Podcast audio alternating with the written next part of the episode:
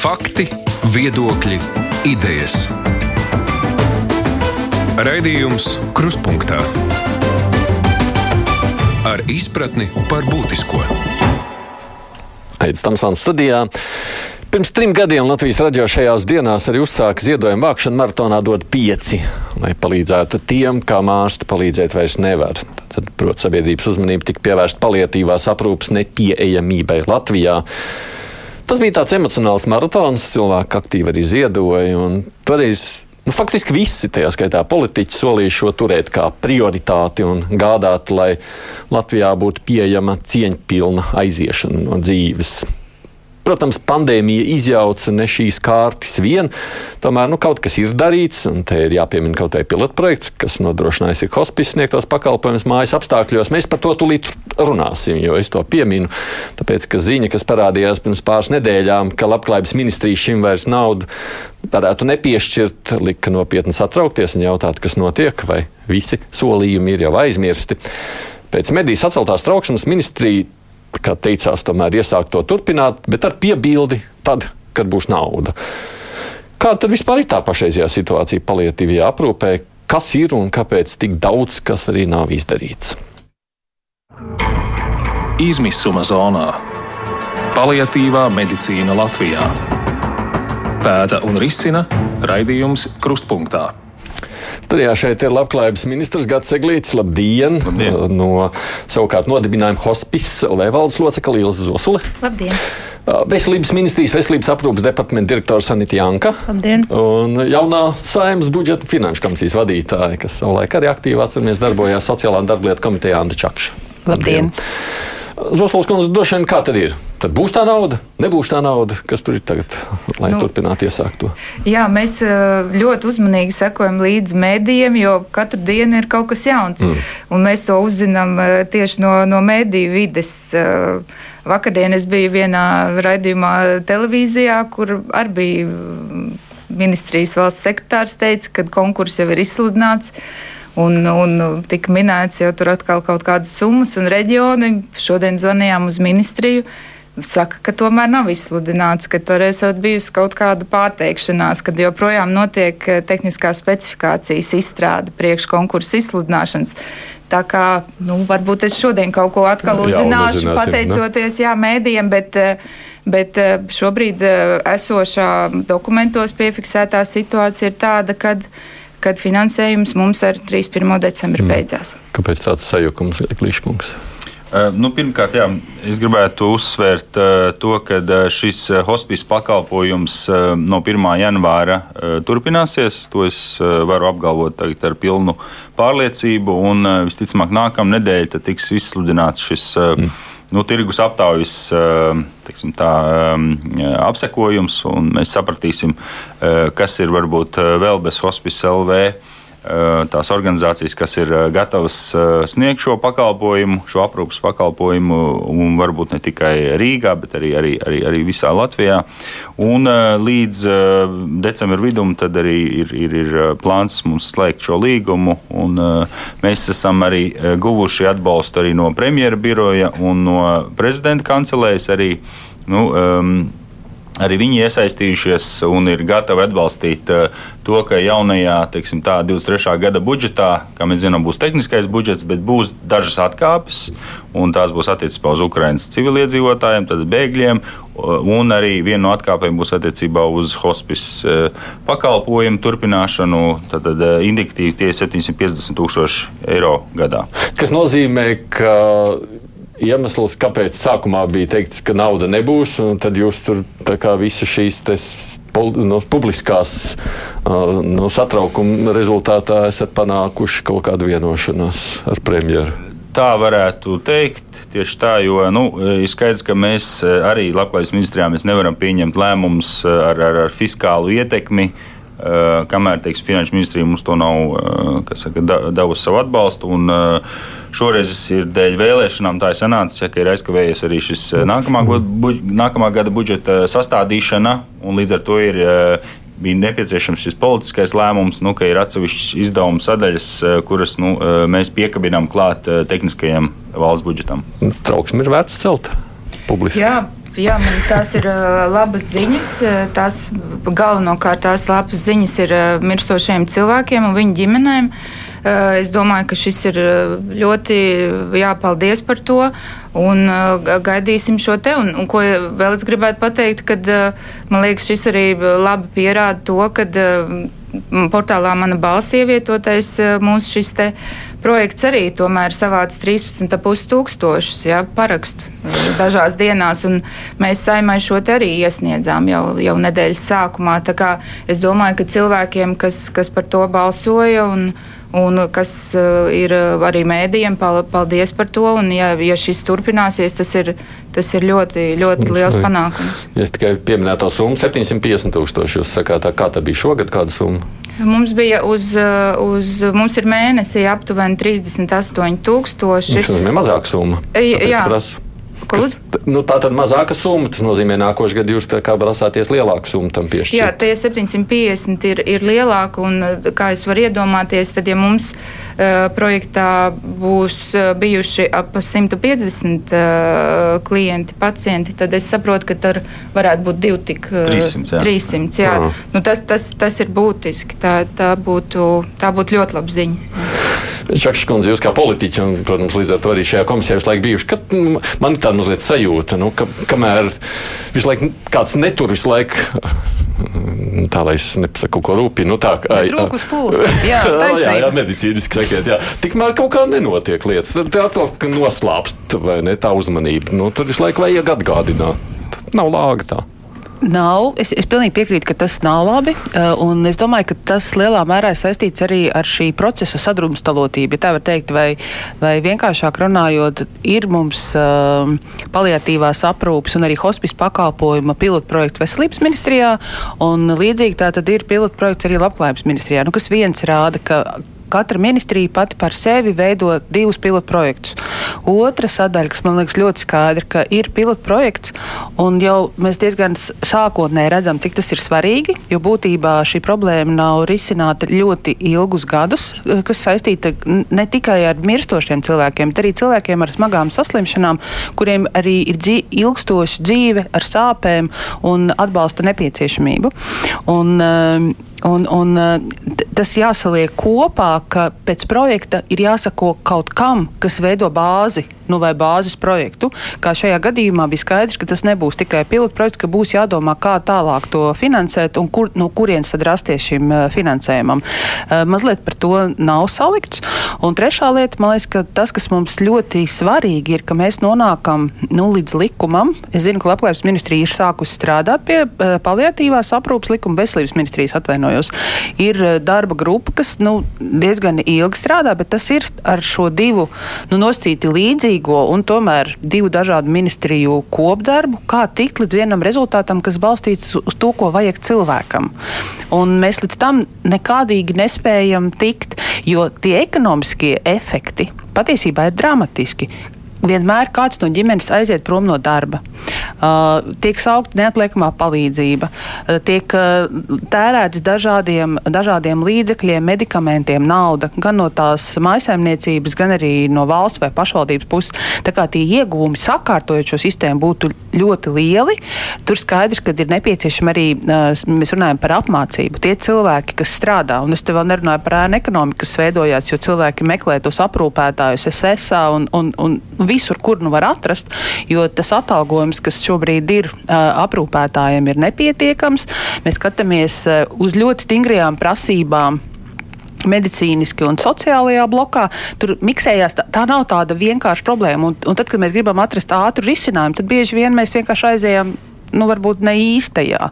Un tā godīgi, šo, kā tas šobrīd ir izveidojies jau, kad visas tās problēmas ir uz galda un viņas liek kopā, es teiktu, ka no tāda ekonomiskā aspekta uh, valstī noteikti ir izdevīgāk šiem cilvēkiem palīdzēt, rast atbalstu un uh, gan nodrošināt cieņpilnu nāvi, kas ir viens tāds, bet būtībā runāt arī par visiem apkārtējiem, kam vajadzīgi gan, gan atbalsts, gan, gan uh, nu, turpināt strādāt. No vienas puses šķiet, nu, ja divas ministrijas atbildīgas, tad jau pavisam labi. Zin, kā, du, dubults neplūks plīst, bet iznāk otrādi. Ja, sakāt, Es, es teiktu, sadalās. ka bieži vien vienkārši šīs robežas ir pārāk stingras, uh, un tas jau ir droši vien arī jaunās valdības veidošanas kontekstā tā saruna par to, kā panākt, ka šī starpnozaru sadarbība nav tik stingri nu, tā kā nosprausta. Ka, nu, līdz šai vietai jā. mans, un, tad tālāk, tā- tālāk viss. Izskaidrojiet, nu, pieņemsim, kas ir jūsu kā veselības ministrijas atbildība un kurā brīdī tas aiziet uz labklājības ministriju? Nu, mūsu kā veselības ministrijas atbildība būtu nodrošināt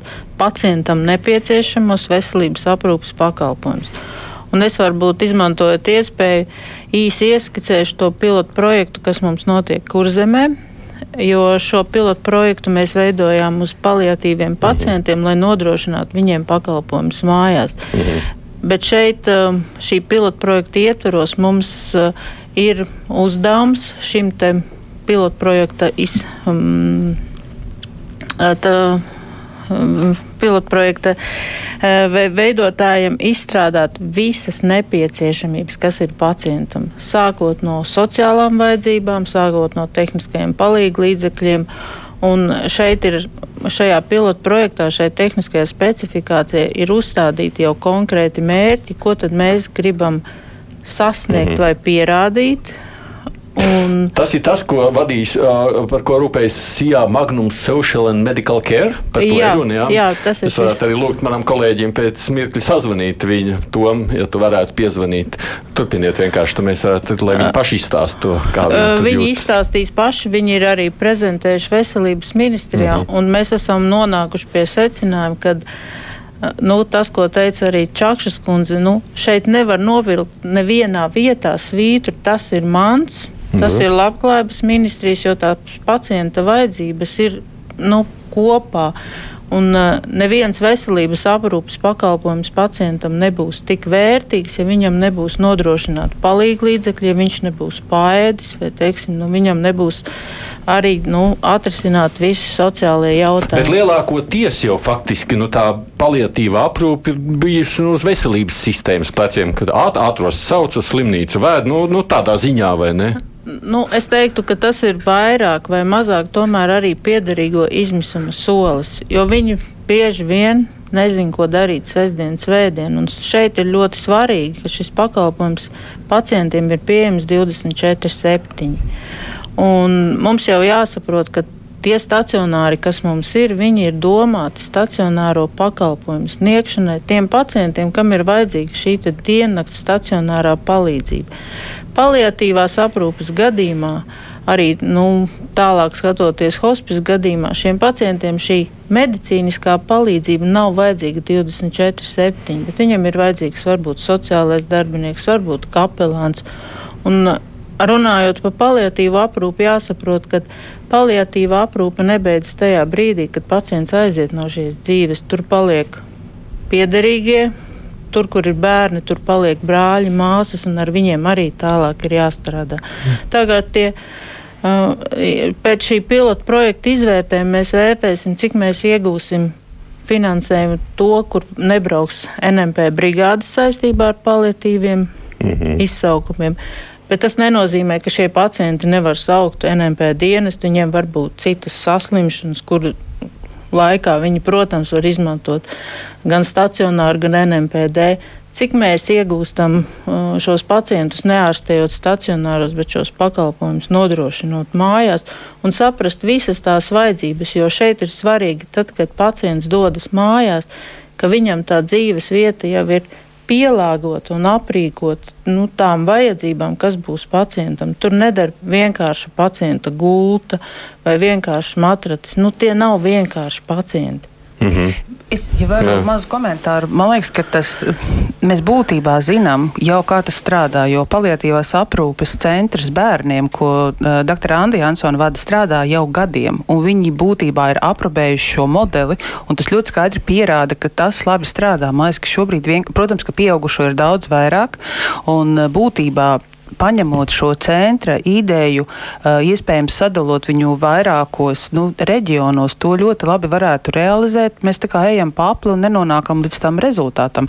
Kaut gan šis bērnu palatīvās aprūpas centrs strādā un ar ļoti labiem rezultātiem un tiešām veids visas šīs funkcijas, ko Janks kundze jau uzskaitīja. Es domāju, vienkārši tas ir nu, jātransformē arī pieaugušajiem. Noteikti, ka tur ir stāsts arī par finansējumu, uh, kas ir nepieciešams, un par tām vietām. Jautājums, vai tas notiek mājās, vai tie ir arī, uh, vai kā hospisa gadījumā, kas jau ir tā kā terminālā sadaļa, ir konkrēta vieta, kas varbūt ir nu, kā, kā no finanšu viedokļa iespējams, ka efektīvāk, ka šie cilvēki kaut kur ir vienopus. Tā, tā, tās varētu būt mm. tie mhm. diskusija jautājumi, bet būtībā nu, tas, ka bez tā nevar, nu, tas jau ir skaidrs. Jautājums, kā to realizēt. Piebilst. Jā, es gribēju piebilst, ka uh, mūsu tomēr mēs to nodalām, jā, paliatīvās aprūpas pacientus un, un hospice aprūpas pacientus. Tā kā Čakšs kundze teica, mums pilotprojektā ir tie pacienti, tās personas, tie cilvēki, kam ir jau ar ārstu konsīliju vai ar ģimenes ārstu slēdzienu, ka tā ir hospice aprūpe. Tātad tā ir pirmsnāvas aprūpe. E, mūsu aprūpē šajā gada laikā mm, cilvēks pavada vidēji 3 līdz 4 nedēļas, ne ilgāk. Ja? Un, un pakalpojums beidzas Mhm. pašam mirstošam cilvēkam ar viņa nāvi. Ģimenei turpinās to, ko Janks kundze teica. Mums ir atbalsts sērās ģimenes locekļiem, kas ir ļoti, ļoti pieprasīts šis pakalpojums. Šī sadaļa arī Ja, -hmm. To mēs no sākuma pirmajos mēnešos varbūt to tā nevarēja redzēt, jo cilvēki pie mums joprojām ir liels stigmas tā, un kautrējās. Tas ir psihologa pakalpojums vai ko jūs Jā, mums palīdzat? ir gan kapelāns, mums ir gan klīniskais psihologs, gan arī psihiatrs ir dažreiz mm. vajadzīgs. Tie mums ir komandā, kā pieaicinātie speciālisti, kapelāns ir mūsu darbinieks. Un, ko es gribēju teikt, ka šī te ir, ir, ir nu, tādā ziņā, jau, protams, ir labi, ka pa 30 gadiem beidzot ir bijis pilotprojekts pieaugušiem viņu dzīvesvietā, to, ko, to, ko mēs realizējām. Kurzemes novadā ir vairāk uz šo te, izsaukumiem, uz brigādēm, bet viņiem nav šī ikdienas aprūpe, šī mhm. klātesamība, mazgāšana, ēdināšana, aprūpe, apkope, nu, daudz mhm. lietas. Tur ir tikai šie izsaukumi pēc pieprasījuma. Ja? Tur arī ir tas jautājums, ir kādam jābūt visu laiku līdzās cilvēkam, šim mirstošiem. Viņš pats nevar bieži vien un visbiežāk izsaukt. Ja? Ir kādam jānolasa šīs te, uh, vajadzības un, un pazīmes, kad ir jāsauc, kad ir kāda palīdzība vajadzīga. Ja? Šobrīd mūsu projektā mums ir aprūpētāji katram uh, cilvēkam, kas ir mājās. Ja? Un viņa ir tā, kas ir papildus. Mēs esam veikuši apmācību, viņi to redz. Bet es vēl gribēju tikai vienu lietu uzsvērt, Mums ir šīs sadaļas, ir pilotprojekts tur un ir pilotprojekts uz šiem izsaukumiem, kas īsnībā vislabāk kombinētos ar šo aprūpu mājās, to, ko mēs veicam. Bet tā ir kurzemē, -hmm. tā nav Rīgā. Mūsu pilotprojekts ir Rīga pierīga. Bet neviena pilotprojekta nav bijis uz hospisu kā stacionāru. Okay. Nu, lūk, tā ir tās lietas, kas jāiziet cauri vispirms skatoties uz visu. Mēs kurzem pēc piecām minūtēm sazvanīsim, tad viņi izstāstīs par savu pilotu projektu, bet jūs pieņemsim skaidrojot tā, jūs uztaisījāt pilotu projektu, lai varētu izmērīt, nu, saprast, ko tas nozīmē, ja kādi ir izdevumi zaudējumi, nu, tādā veidā. Ja?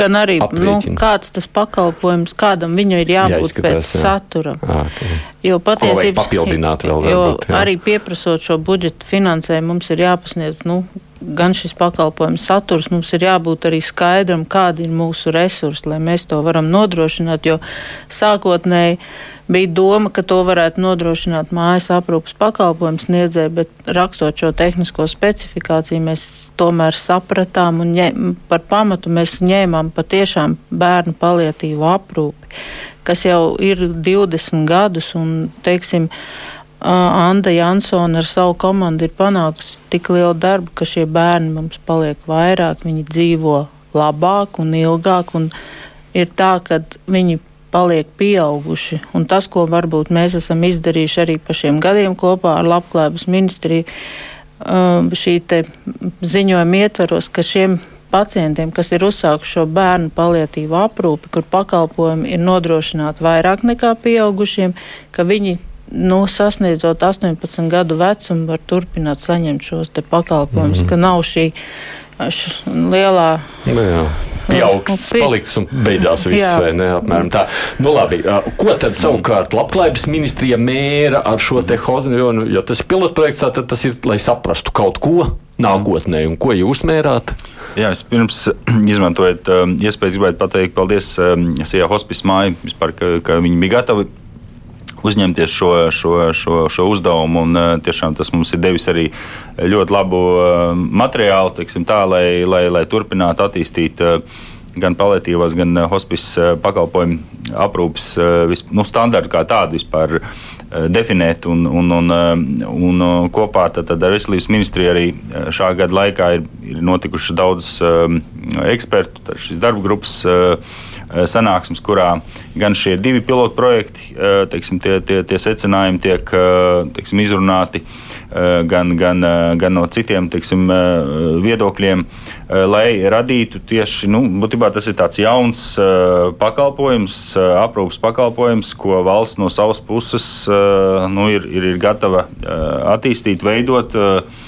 Kas līdz šim Jā, jā. Un, un tam vajadzēs laiku. Tagad ir labi, ka ir veselības ministrija, ir, ir es saprotu, informatīvais ziņojums ir nu, gatavs. Un, es ceru, ka varbūt vēl šogad mēs uz valdību varētu aiziet, viņu pieņemt valdībā. Un, nu, tad visticamāk, nākamā gada laikā tad ir jāsaprot, uz kādu, kāda ir tā mērķa, mērķa grupa, cik liela, cik mēs varam vispār atļauties no valsts budžeta. Teiksim, ja, jo nu, tā mērķa grupa jau ir milzīga. Teiksim, tā, tas, ko mēs tagad redzam, tas ir viena vien maza pilīte no tā kopējā apjoma. Jā, vienkārši runājot par to pašreizējo mājas aprūpi. Mēs pie stacionāra vēl nonāksim, protams, bet runājot par mājas aprūpi šobrīd. Tas nozīmē, ka nu, jūs jau šī gada laikā, apmēram, kā jūs teicāt, sākumā secinājāt, ka vajag um, mazāk pievērsāt, vēlāk pievērsāt uzmanību, ka vajag arī palīdzību pēc tam, kad cilvēks nomirst. vai ne? Nu, kaut kādas tādas lietas, ko jūs esat kā iemācījušies arī paši vai ne, šī gada laikā. Jums šķiet, ka tie secinājumi jau ir izdarāmi tagad pēc šī gada. Kas un kā? Jā, es domāju, ka noteikti. Jā. Jo mums arī bija saskaņā ar šo pilotu projekta līgumu par, par finanšu līdzekļu piešķiršanu. Mums bija arī viens no uzdevumiem, ir pašiem uz pierādījumiem balstītu ziņojumu izstrādāt, un starp ziņojumu jau pēc sešu mēnešu darba mēs jau ministrijā esam iesnieguši, gan ar secinājumu daļu, gan ar eh, informatīvo daļu, kur ir dažādos griezumos visas tās eh, pacientu cilvēku vajadzības, kādas ir bijušas apmierinātas, kādas speciālisti, cik stundas, kā, kā- kāds ir bijusi izdevumi katrā mēnesī. Tas, mm -hmm. tas viss ir uh, iesniegts. Un, uh, tagad, ko mēs redzam, mēs jau gatavojam šo galziņojumu, lai gan viņam ir jābūt februārī. Uh, mēs pie viņa, protams, paralēli strādājam. Tas ir nopietns dokuments. Un, uh, mēs redzam šos secinājumus, uh, ka viņi faktiski būtībā nemainīsies tie, ko mēs jau redzējām pēc pirmā pusgada. Un, um, tas, ko mēs redzam, kad Šobrīd mūsu šī pilota projektā ir, ir varbūt mazliet dīvaini, ir tas, ka mums ir, piemēram, mums ir divas atļaujas. Mēs esam gan kā medicīnas iestāde ar pakalpojumu sniegšanu mājās, jo mums darbā ir mediķi, ārstniecības personas, gan mums ir aprūpes sadaļa. Ja? Un mums ir arī aprūpes šī te, uh, licence. Un mēs redzam, ka tā kā arī Janks kundze teica, faktiski medicīnas pakalpojumu mēs iespējams, ka varētu ņemt no e- esošajiem medicīnas uh, pakalpojumu sniedzējiem. Iespējams, ka mums nevajag pašiem komandā. Ja, ja mēs iedomājamies, ka Latvijā ir tur uh, septiņi vai astoņi palietīvie ārsti pa visu Latviju. Ja? Tad nu, mums, piemēram, ir tā veiksme, ka mums viens no viņiem ir mūsu pilotprojektā. Ja? Un mūsu uh, pacientiem ir iespēja, ja, vai nu klātienē, vai attālināti ar, ar, ar tādu līmeņa speciālistu. Ja ir septiņi valstī, ja, mums ir bijis tā, ka. Uh, Pali- Man liekas, ka, jā, ka tā, kad mūs pieteica Eiropas pilsoņu balvai, tā, tā radiniece, ja vienai mūsu pacientei, kas aizgāja, viņa teica, ka tas, ka es taču sitos pa visiem, mēs tur gribam, pa tur tikt pie ārsta, tur tikt, nekur mēs netiekam, kur ar guļošu cilvēku, covid, visas tās sarežģītības. Un tad mums atnāk mājās ja, viens no šiem pīlāriem, ja, un nokonsultē un iedod va- vajadzīgās. Protams, tas ir, tas, tas ir dārgi. Ja tāda līmeņa speciālista viņam mājas vizīti, jūs, nu, mm. tas, tas, protams, nav varbūt tik racionāli, bet, protams, mēs redzam, ka ir kaut kāda, tas galvenais kodols būtu šis te e, sociālais pakalpojums. Bet tas, ko es. Jā. gribu secināt pirms es ceļu klausuli, ka nu, faktiski jau būtībā secinājums var izdarīt, un no tā pilota projekta vajadzētu kļūt jau par tādu pastāvīgu tālāk Tas ir, sistēmas tas ir izveidi. pats galvenais, par Vai ko ne? mēs arī te cīnāmies un, un, un ceļam visu šo te augšā un, un, un, un klauvējam pie visām durvīm, ka tam ir jābūt uh, pamat pakalpojumam, kas ir pieejams visiem Latvijas Ir iedzīvotājiem. viena Jā. svarīga Jā. lieta, pirms uh, Jā. tas arī, ko saka Zosuls kundze, un ko mēs dzirdam, tas ir stāsts par koordinēšanu. Ka ir vairākas daļas, kas netiek joprojām koordinētas. Tas, ko šobrīd hospice māja savā būtībā ar savu pilotu ir pierādījis, ka nav šīs koordinācijas, vai tas, ko viņi veic, ir koordinācija. Un tur ir stāsts gan par apmācību, un izrādās, ka var šo palietīvās aprūpas speciālistu labi dārgi ir aizvest varbūt šo vienu uz mājām, bet droši vien tur ir vēl mehānismi. Bet tas ir tiešām kā sakoordinēt to visu, lai tas, kas jau ir pieejams, tiešām arī būtu. Nevis tie pacienti paši šobrīd vai viņu radinieki, protams, sistos pa sistēmu un mēģinātu to atrast. Tas jau ir sistēmas uzdevums - palīdzēt cilvēkiem. Labi, labi, mēs par to arī parunāsim. Vienkārši kamēr man šobrīd ir pie klausulas, lai cilvēkam nav ilgi jāgaida. Sijā Magnums Social and Medical Care, tātad mūsu pieminētā otra pilota projekta vadītājs Kristiāns Dāvis. Dāvikungs, vai jūs mūs dzirdat? Halo! Jā, labdien! Labdien. Izstāstiet savukārt par savu pilotu projektu. Kas ir tas, kad, ko tad jūs darāt un ko jūs secināt no tā, ko esat darījuši? Tā tad eh, labdien visiem, labdien Čakšs kundzei, Jānis kundzei, Zosuls kundzei, ministru kungam un, protams, arī jums, Tomsam kungs.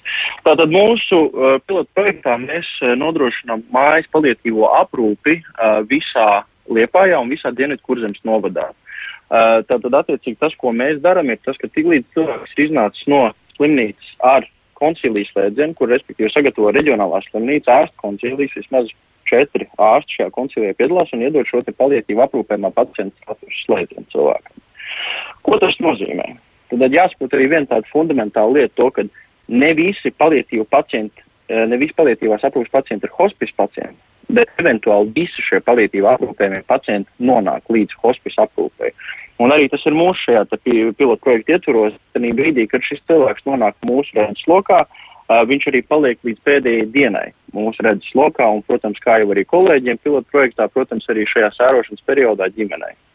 Lūk, un brīdī, kad cilvēks ir dabūjuši šo koncīlijas slēdzienu, mūsu koordinators nodibina saikni vai no ģimeni, vai arī patiešo jau ar reģionālo slimnīcu, un tiek sūtīta pirmreizējā vizīte, ārsta vizīte un sociālā darbinieka vizīte pie pacienta mājās kur primāri jau tiek sakārtot un sagatavota visa šī te terapija cilvēkam, kā viņam ikdienas terapija jālieto ir un kādas tālāk vizītes cilvēkam ir nepieciešams un kāda papildus speciālisti ir jāpiesaist.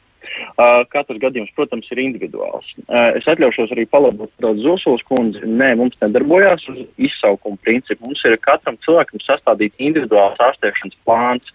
Tas nozīmē, ko? To, ka tajā brīdī, kad cilvēks ir apskatīts pirmreizēji, ārsts sastāda to, cik reizes nedēļā pie cilvēka ir jānāk ārsta palīgam veikt medicīniskās manipulācijas, vai tās ir intravenozas sistēmas, vai tas ir kaut kas cits. Uh, cik regulāri jānāk fizioterapeitam, tiek piesaistīts psihologs gan piederīgajiem, gan pašam pacientam, ja tas ir nepieciešams. Tagad tas ir mazāk uz tādu uh, akūtu neatliekamu izsaukumu principu, tas ir uz tādu skaidru un gaišu organizētu darbu. Uh, principu veidots pakalpojums. Lūk, uh, un būtībā mēs šo pacientu pilnā apmērā pārņemam savā aprūpē no brīža, kad viņš ir nonācis mūsu redzeslokā. Uh, pilnībā visu, tā skaitā arī visi medicīniskie pakalpojumi, kas tiek nodrošināti pacientam arī ārpus mājas, tas ir tas arī, ko Čakšs kundze minēja par šo koordinācijas procesu, jo Uh, arī sadarbībā ar reģionālo slimnīcu mēs šos cilvēkus plānu kārtā sūtām uz plānveidu izmeklējumiem, uz plānu procedūrām, uz plānu palietīvām terapijām, ķīmijterapijām vai starpterapijām. Tā visa doma ir organizēt to, uh, lai tas notiek plāna kārtā organizēt. Jo visu šīs pilotu projektu mērķis bija maksimāli novirzīt palietīvās aprūpas un hospice sniegšanu mājās, samazināt stacionārs ar šādu pacientu noslogojumu un samazināt NMPD izsaukumus. Un tagad mums ir pagājis gads, kopš mēs strādājam, un mēs skaidri un gaiši redzam to, ka uh, cilvēki mūsējie stacionāros praktiski nemirst. Liel, aptuveni 90% no mūsu, iemīt, no mūsu pacientiem, kas ir bijuši, ir aizgājuši aizsaulē mājas apstākļos. Tad, respektīvi, pie pilnvērtīgi sakārtotas pacientu terapijas un regulārām ārstu palīgu vai arī ārstu vizītēm pie pacientu mājās. Arī piederīgiem šis pakalpojums izteikti, nu, šī, šī te pacienta aprūpe izteikti ir atvieglot. Jo pamatā mums ir jāsaprot to, ka pilnīgi visi cilvēki, kas sasnieguši palietīvu aprūpējumu stāvokli vai hospice aprūpējumu stāvokli, Tas nav sociāls, uh, sociāli iemeslu dēļ, tas ir medicīniski iemeslu dēļ. Mūsu valstī pārsvarā, nu, ne mūsu valstī, bet vispār kopumā pārsvarā, tās ir onkoloģiskas un hroniskas saslimšanas. Līdz ar to jā, kā jau es minēju, 90% no mūsu cilvēkiem aiziet aizsolē paši savās mājās, sev piemērotā, sev pazīstamā un mīļā vidē. Nevis pieņemsim, kā tas ir daudzkārt noticis, ka cilvēks pēdējā brīdī ir aizvests uz slimnīcu un uzņemšanā viņš vai nu aiziet uzņemšanas nodaļā, vai viņš aiziet kādā citā specializētā ārstniecības iestādes nodaļā, kur viņam būtībā nevajadzētu būt, jo viņš ir nonācis tur, teiksim, tā vai nu primāri akūta stāvokļa rezultātā, kad ir šīs kroniskās saslimšanas sācinājumi, vai arī vienkārši tāpēc, ka brīv, šie te mm, piederīgie ir kļuvuši, no, nokļuvuši šajā izmisuma zonā. Mēs esam novērojuši skaidru un gaišu, ka pie pilnvērtīgas šīs pacientu un piederīgo apmācības, pie regulārām vizītēm, pie kārtīgas terapijas sakārtošanas, lielākā daļa mūsu pacientu aiziet mājās. Kas ir ar tiem 10%, kas ir tas uh, atlikusī daļa cilvēku, kuri nevar saņemt šo palīdzību mūsu pakalpojumu savās mājās? Nu, tas ir tas atkal, tas ir atkal sociāla apsvēruma dēļ. Jo visu medicīnisko apsvērumu dēļ, visu to principā mēs šajā pakalpojumā spējam noklāt. Ja atlikušie 10%, kas nevar saņemt mājās, ir sociālo apsvērumu dēļ, uh, Tas ir saistīts ar to, ja pieņemsim, nav piederīga un cilvēks ir vientuļš, vai piederīga dzīvo ārzemēs, vai uh, piederīgie vienkārši fiziski to nevar izdarīt, ja pieņemsim, tur ir divi seniori pāris, kur viens ir šajā statusā. Jā, tad ir šī situācija, tur, kad sociāla apsvēruma dēļ cilvēki nevar uh, saņemt šo pakalpojumu. Mm. Nu, lūk, jūs man ievadījāt uzreiz, protams, tajās virknē nākošo jautājumu. Es jums saku paldies par skaidrojumu. Jā, Magnum Social and Medical Care vadītājs Kristiāns Dāvis, paldies par sarunu jums. Es tikai atgādināšu, droši vien klausītājiem mums šeit studijā ir Ilza Zosula no nodibinājuma Hospice LV, Sanita Janka no Veselības ministrijas, Anda Čakša no Saimas deputātiem un Labklājības ministrs Gats Eglītis. Raidījums Krustpunktā precizēšanai tikai. Ar ko jūs atšķirat tās veselības ministrijas, šis pilotprojekts no labklājības ministrijas? Man, man kaut kur liekas ļoti līdzīgi, vai tur ir atšķirība. Vienkārši katrs savu ministriju, savu kūrē. Tad man šis mulsina. Nav tā. Patiesībā tie ir abi paliatīvās aprūpes pacientiem vērsti pilotprojekti. Tas, ko dara hospice māja, tas ir nu, tas beigu posms, tas ir tas pats nu, miršanas posms, nu, šīs trīs vai četras Jā. nedēļas. Nu, Jūs tā kā agrāk mazliet? Nu, mēs šo pakalpojumu ņēmām kopumā, jo -hmm. tas brīdis, kad uh, pacients nonāk paliatīvā aprūpē līdz hospice, nu, katram pacientam ir absolūti dažāds. Nu, proti, jūs vēl varat palīdzēt medicīniski, jūs tā kā minimālais medicīniski vairāk tā kā uz aprūpu. Nu, kaut kā tā, ja es tādu varētu jā, nošķirt. Jā, jā es, droši vien tā, tā galvenā atšķirība ir tiešām tā, ka šī prognozētā dzīvildze ir jau ļoti saprotama tieši izējot no, no pacienta medicīniskiem mm. uh, situācijas un, un rādītājiem un simptomiem. Un uh, hospice aprūpē no medicīnas galvenais ir vajadzīga šī atsāpināšana, trauksmes noņemšana, mm. brūča apkopšana, eh, tur eh, onkoloģisko, tur bēžu dažādu situāciju labošana, vēl daudz kas cits. Bet tas lielāko daļu ir tieši tāds, ko, ko mājās arī mūsu ārsts un, un um, māsas uh, var cilvēkam Izdarīt. palīdzēt. Man Bet... vienkārši ir secinājums no šī, man liekas, nu, vajadzētu tomēr vien, vai vienam vai otram dot atbildību. Nav kaut kā es, tā jocīga. Es, es teiktu uzreiz, ka tas nav tā kā vienam vai otram, te ir jābūt uh, tādai kopdarbībai. Mums ir kopdarbība iet valstī, ziniet, kā Jā, iet. tieši tāpēc, nu, te tāda moderna lietot vārdu horizontāli, bet būtībā tā, tas Vēl, ir. Vēl vienu ministru vajag, kurš atbild. Nē, nevajag nu, ministru, vajag tā, es teiktu, ka vajag, ka, ka abās ministrijās ierēdniecība, kas strādā ar šīm programmām, jo, kā jūs dzirdējāt, te tiešām ir daļa, kas ir veselības un daļa, kas ir sociālas lietas, ko vienkārši maksā labklājība. Un šobrīd, vesel, es, kas ir, man liekas, ļoti tāda būtiska lieta, no motivācijas viedokļa, veselība nav ieinteresēta kaut ko vairāk darīt, jo tas sāk nākt no labklājības budžeta, un savukārt labklājība īsti nu, neredz, kur nu. ir, un te kā izveidot tās saites, ka tā grupa, kas strādā uz šiem cilvēkiem, strādā kopā. Bet, un beig beigās divi strādā pie pilotprojektiem, viņi kaut, kaut ko jau mēra vienu un to pašu. Un es teiktu, daž, dažbrīd sajūta ir, ka lieki tomēr, jo būtu Nu. uzreiz kopā, būtu skaidrs, nu, es Kaut nezinu, viss būtu noticis Rīgā vai viss būtu noticis Liepājā, un mēs šobrīd jau ieviestu sistēmu visā Latvijā. Bet tagad katrs savā daļā. Mums ir vēl līdzīgi projekti, kas uh, arī uh, iet dažādās ministrijās, un finālā nav vienota Nu, tur redzējuma. Bet, es teiktu, tā um, nu, ir, ir ierēdniecības darbs, teiksim, ja, un tad ir politiskie lēmumi. Un, uh, bieži vien teiksim, nu, ierēdniecības līmenī tie procesi var būt ļoti ilgstoši, eh, darba grupas, informatīvie ziņojumi tā tālāk. Bet galu galā tas atšķir, beigās um, atdurās pret to politisko izlēmību. Man, ir, man ir tādā ziņā arī varbūt, nu, prieks, ka manā laikā tomēr izdevās uh, iedzīvināt vismaz šo hospice uh, pakalpojumu, jo citādi, teiksim, nu, tādā darba grupu līmenī tas vēl vilktos vēl vairākus Tas ir gadus. skaidrs, Un jā. tas ir uh, nāk jaunajai valdībai, nu, tas arī būs tas, ja mēs gribam iedzīvināt šādu pakalpojumu visā Latvijā, nu, tie ir 20, 30, 40 miljoni, nu, visticamāk, ir jābučetē, ja mēs gribam. Man kaut kā gribētos, kaut kā jūs salikt vienā, nevis divos galdu, galdos sadalīt. Jā, mēs arī, p- protams, sākot eh, šo te pilotprojektu piesakoties, mēs arī sapratām, ka šī ir viena no tām eh, problēmām, bet šī te pilotprojekta mūsu, ko mēs realizējam, eh, tas. eh, eh, Labums, varētu teikt, bija tas, ka mums nebija, ka mums, mēs arī šo te sadaļu, kas ir eh, ārstniecības pakalpojums, ko saņem mūsu klienti, pacienti, tas mē, mums ir no vienām rokām. Mums nav tā, ka mēs prasam vienu daļu no, mm -hmm. no vienas ministrijas, otru no otras. Mums ir tas, ir, sanāk, ka labklājības ministrija tomēr ir atradusi veidu, kā mēs arī medicīniskos pakalpojumus varam samaksāt no šī. te. Tā Es domāju, liekas, ka to darbu koordinēšanā bet, varētu kaut kā dabūt vienā. Uh, Ja labklājības ministrijas nu, pagarinājums, roku pagarinājums būtībā ir sociālie dienesti reģionos pašvaldībās. Un uh, veselības, uh, veselībai ir caur reģionālām slimnīcām, kas arī ir ar pašvaldību saistītas. Tad būtībā, ja ir skaidrs uzstādījums un ir, ir cilvēks pašvaldībā, kuram ir konkrētas veselības vajadzības un caur sociālo dienestu klāt pieliekamās uh, sociālās vajadzības, tas viss ir sakoordinējums. Jautājums ir par gribēšanu un, un darīšanu. Nu, labi. Jo papīri mums ļoti daudz ir labi uzrakstīti, bet jāsaka rīkoties. Bet par to gribēšanu un darīšanu nākamgad tad būtu jātop kam? Nu, nu, tam vairs nevajadzētu būt pilotprojektam, vai ne? Vajadzētu kaut kādai sistēmai veidoties. Labklājības ministrija nāks ar savu sistēmu, veselības ministrija nāks ar savu sistēmu. Nē, nu, skaidrs, ka, kad beidzās pilotu projekts, tad izvērtē. Jā. Un, un, ņemot vērā uz doto brīdi šos rezultātus, gan tie, kas ir uh, mūsu pusē, gan arī tie, kas ir labklājības ministrijā. Nu, pirmais secinājums, kas ir, nu, varbūt viņš skan ļoti nu, pompozi, bet tas ir vajadzīgs pacientam un viņa Nu, piederīgajam.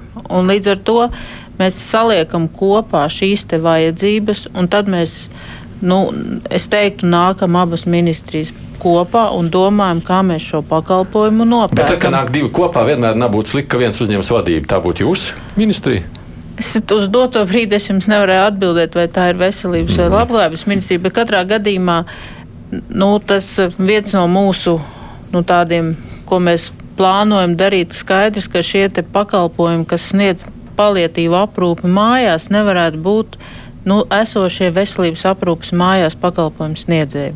Mm -hmm. nu, arī, pieņemsim, vien- vienkārši nu, tas rosinājums Čakškundze, jūs tur pie jaunās valdības veidošanas galdiem ar droši vien mazliet grozāties. Nu, te ir tas horizontālais līmenis ļoti nepieciešams. Nu, kaut kā jau valdības veidošanas laikā šo vajag iekļaut iekšā, lai, lai, lai nebuksētu. Nu, vienkārši veselības eh, ministrijai ļoti laba pieredze manā skatījumā ar to saucamo pacientu ceļu iezīmēšanu.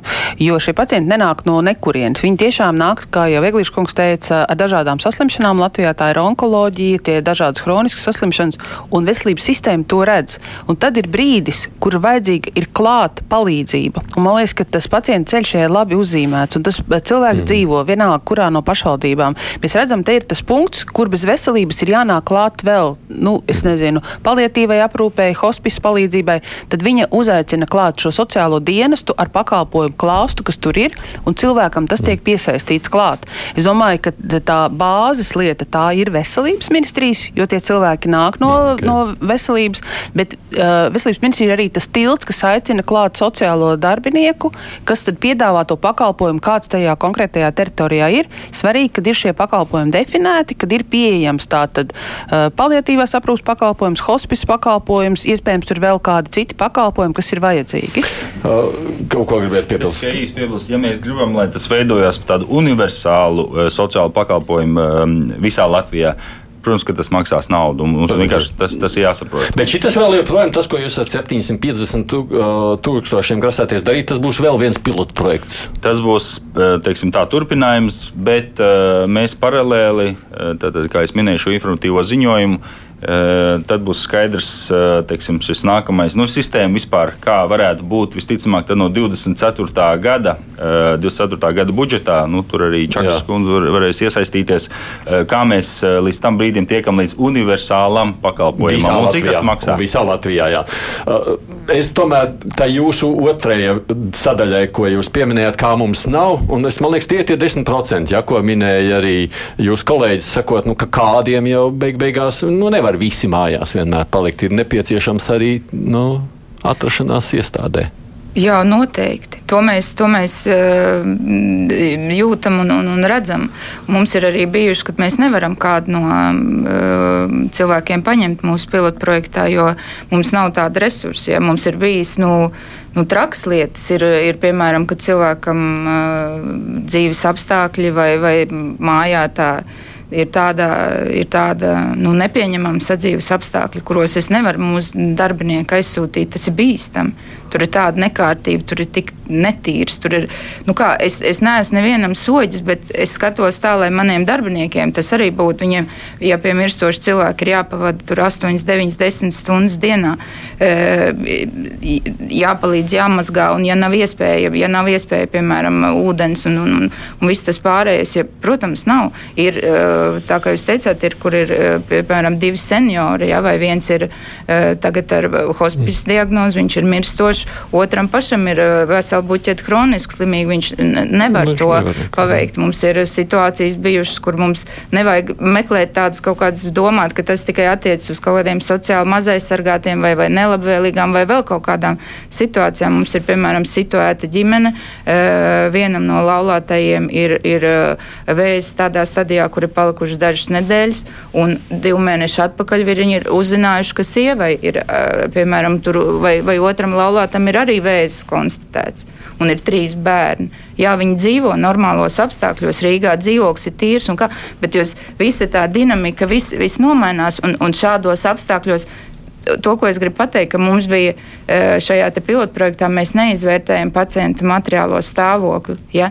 Mums ir, mēs uzskatām, ka katram Latvijas iedzīvotājam šajā sarežģītajā dzīves brīdī, kad ir šī pirmsnāvis uh, aprūpe vajadzīga, neskatoties no viņa sociālā un, un materiālā stāvokļa, šis pakalpojumam ir jābūt pieejamam. Protams, jā. tas, nav, tas nav gadiem, ja tie nav kroniskie pacienti, kam arī ir ļoti vajadzības savas, un, un, un paliatīvais pacients arī mēs, mēs ejam kā brīvprātīgie uz, uz paliatīvām nodaļām. Mēs redzam, tur cilvēks mēs jau atpazīstam. Bet, redziet, atšķirībā, bet jā. šeit mūsu klienti, mūsu pacienti ir tie, kas 3-4 nedēļās nomirst. Bet, redz, atšķirībā no, redz, es sapratu, liepājas gals var uh, arī atrast iespēju to institucionāli izdarīt. Jūs nevarat, nu tā vai ne?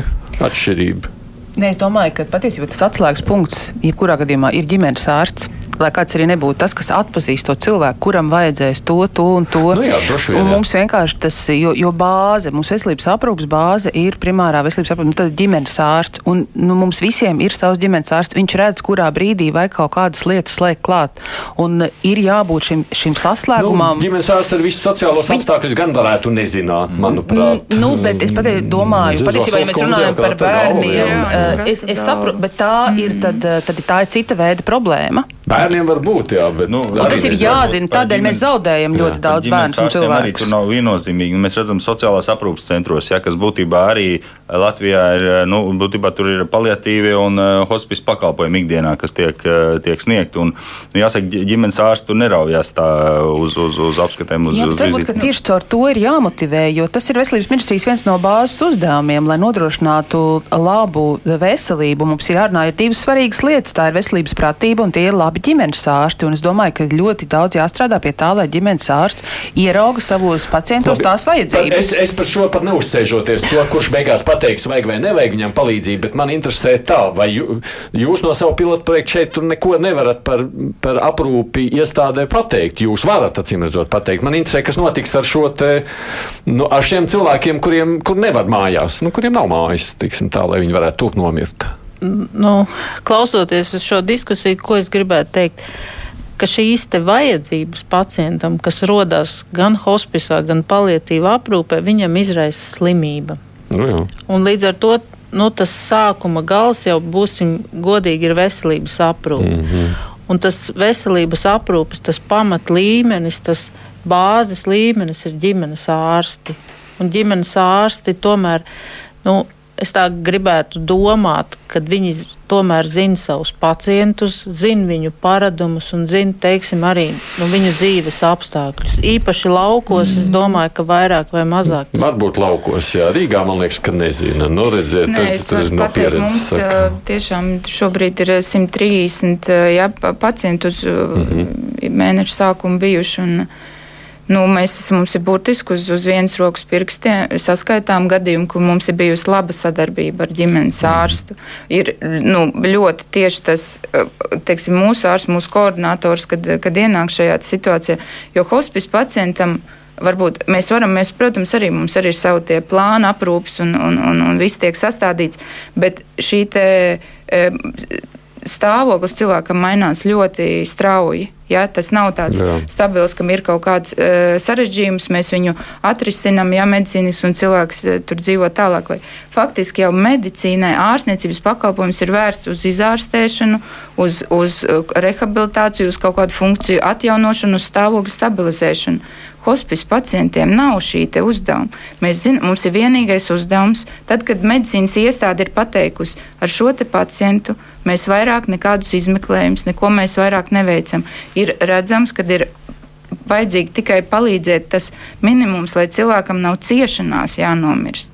Un šo, tas, tas ir tas galvenais, ko mēs, mēs jau tikai tik daudz ir vajadzīga medicīna, pārējai vajadzīga patstāvīga aprūpe. Protams, mums arī ir gadījumi, es nezinu, kā sistēma tos varēs atrisināt, kad, piemēram, ir, ir tādi mm, onkoloģijas veidi, kur, piemēram, atsāpināšana ir vajadzīga tur ik pa divām, pa trīs stundām. Mēs zinām, ka aprūpas persona nedrīkst veikt injekcijas vai, vai, mm -hmm. vai līmeni plākt. Ir vajadzīgs, kā, kā mēs to, nu, mēs nevaram to mājās ar, ar esošā pat mūsu modelī nodrošināt, kad ir uh, māsa, medicīnas māsa, kas ik pēc trim stundām šajā ģimenē. Viņai Nē, tad būtu tādiem es- pacientiem ir tas hospice vajadzīgs. Ja mēs runājam par ģimenes ārstu, tas ir tā koordinējošā funkcija, kurš redz, kurā brīdī ir jāpiesaista. Jā, nākamais līmenis, jā, jā, māsu nākamais atsūtīt, līmenis ir, ja mēs runājam par uh, slimnīcu plānojumu, un, un tas jau iepriekš bija runāts, teiksim, otrā līmeņa slimnīcās, ka tika izveidots hronisko pacientu gultas, kur jau bija plāns, ka tās varētu pārvērsties arī par paliatīvām un hospice pacientiem vajadzīgām gultām tieši šiem procentiem, kuri nevar būt mājās, kur ir vajadzīgs intensīva atsāpināšana, un tas ir iespējams, nu, ņemot vērā, ka šobrīd eh, nu, teiksim, tāda ārstēšanā slimnīcā kļūst mazāk un vairāk tiešām ir ambulatori un pie ģimenes ārstiem, tad šīs gultas vietas uh, var tikt novirzītas precīzi teiksim, pacientiem, kam ir vajadzīga šī hroniskā Kas uzraudzība. nozīmē, man vienkārši klausoties jūsos, klausoties jūsos, ir tāda sajūta uz to mājas aprūpi, kas man šķiet ir svarīgākais akcents liekams. Pilnīgi noteikti, par to šaubu nav. Uh, Tajā kaut kas ir noticis šajos gados vairāk nekā domājot par to, kas notiek ar tiem, kurus mājās mēs nevaram vairs atstāt. Tā situācija man šķiet neskaidrāka. Tur, tur ir vairāk darāmā, vai es pareizi saprotu. Iespējams, jā. Nu, tur, ir, tur, tur arī investīcija jautājums. Piemēram, nu, Magnum, mēs zinām, tā ir daļa no viena liela, liela uzņēmuma, privāta uzņēmuma, kas, kas tirgo medikamentus un tā tālāk. Nu, iespējams, viņi redz šeit kaut kādas iespējas ilgākā termiņā, teiksim, arī nu, sniegšos pakalpojumus ne tikai kurzemē, bet arī visā Latvijā. Nu, viņi ir kas ir ieguldījuši, saprotu, kopā ar Liepājas pašvaldību, tātad izveidojuši šo nu, telpu, ja, kur, kur var sniegt šo pakalpojumu arī klātienē pansionāti. Jā. Mūsu gadījumā šajā, šajā pilotprojektā arī bija lūgums, vai mēs varētu, piemēram, arī nodrošināt šādu nu, iespēju. Caur samariešiem bija, bija viens, viens risinājums, bet, nu, diemžēl, publiskais iepirkums teiksim, tā, ir, ir, ir samērā stingrs, ko, ko drīkst mainīt, ko nedrīkst. Mēs šo iespēju nevarējām beigās izmantot. Bet, teiksim, jaunajā varbūt iepirkumā to mēs varam ielikt arī kā, kā iespēju. Jebkurā gadījumā šis ir tāds jautājums, kam arī, acīm redzot, nākamajā gadā būtu jāpievērš būtisku uzmanību domājot par visu šo. Jā, mēs, mēs noteikti uzskatām to, ka nav jau, saprotiet, vien, tur tagad nevajag iedomāties, ka vajag būvēt varbūt kaut kādus milzīgus stacionārus, kur tagad vairākos stāvos un tā tālāk. No mūsu klientiem visi grib mājās. Mhm. Visi grib mm. savā vidē, visi grib to, to cieņu. Bet tas arī ir jautājums. Varbūt, ja būtu tāda vieta, kur ir tiešām cieņpilni, kur nav pa pieci, pa četri cilvēki istabiņā ar dažādām nezinu, piedarībām, politiskām un, un, un, un reliģiskām un tā tālāk. Un vienam ir viena stadija, vienam jau ir agonija, vienam tur ir, ja būtu tāda cieņpilni, kur, kur nezinu, tur ikdienas higiēna, kur ēdināšana notiktu kaut kāda cieņpilna, kur mums visiem, tad, tad tas jautājums varbūt būtu, ja tāda vieta būtu cilvēki izvēlētos. Vai, piemēram, e, ja tas būtu kāds cilvēks, kurš negrib apgrūtināt savu ģimeni, viņam ir kaut kāda uzkrājuma, es gribu šādā vietā, kur man ir sava istabiņa, kur ir, es varu atnest savus bildes, uzlikt savu e, mīļoto kaut kādu mājas augu un tur pavadīt šīs pēdējās dienas un pateikt, es tagad tik slikti jūtos, tagad nenāciet neviens pie maniem. Bet tagad es tagad esmu gatavs uzklausīt vai saņemt viesus, vai, vai vēl, lai man kāds patur roku. Man apkopojot tādu visu un pabeidzot šo sarunu, tas, ko viens mēs, mums vajadzētu secināt, ka nākamā gada beigās, strādājot pie 24. gada budžeta, būtu jābūt skaidrai sistēmai. Tam vairs nevarētu būt pilotprojekts, tur jābūt sistēmai, kas darbojas visā Latvijā. Un tas ir liels darbs, vai ne, kas jums jāizdara nākamā gada laikā, nākamā gada laikā gan vienai ministrijai, gan otrai ministrijai. Tas ir skaidrs, jā. Par to koordināciju. Nu, protams, es saprotu, tas, kas būs atbildīgs, ar tiem arī runāsim šobrīd. Mazliet pārāk ir par to spriest, bet tas ir nākošais svarīgais jautājums. Nu, tā labā ziņa, tad mēs paliekam pie tā 750 tūkstoši vairāk naudas nekā šajā gadā ir atvēlēts nākamajā gadā, kas nozīmē, tā pavisam īsti tā būtu plašāka teritorija. Tieši tā, tā būtu Rīga, Pierīga un Latgala. Rīga, Pierīga un Latvija. Pāriem nu, mums jāgaida. Joprojām, diemžēl, ir jāgaida. Es ceru, ka tas stāsta tikai par vienu gadu, jo patiesībā jo tas ir katra cilvēka, mēs nekad nezinām, kur cilvēka dzīvē var pienākt kāds tāds brīdis, kad tas kļūst mums katram aktuāli. Nekavējamies, un laikam, acīm redzot, medijiem jātur rokas puls, piedodiet. Tā izskatās šobrīd. Paldies, ka atnācāt šeit par to runājot. Saimnes budžeta finanšu komisijas vadītāji. Tagad es tā piesaku Andu Čakšu, un laikam jāpiebilst droši vien iespējams uz kādu laiku, tāpēc, ka vēl jau valdība tikai top, bet nu, viņi ir arī bijusi sociāla darba lietu komitejā iepriekšējā saimā. Gats Eglīts joprojām labklājības ministrs līdz nākamajai valdībai. No veselības ministrijas, veselības aprūpas departamenta direktors Sanita Janka droši vien turpinās darbu un, un strādās pie visu šī nu, projekta un nodibinājuma hospice LV valdes locekļa Ilze Zosoli. Paldies jums! Es ceru, ka jums būs iespēja ar vien vairāk ļaudīm arī palīdzēt nākamajā gadā. Paldies. Producēju šo raidījumu Evi Junām kopā ar Lorētu Bērziņu studijā savukārt bija es Aidis Tomsons.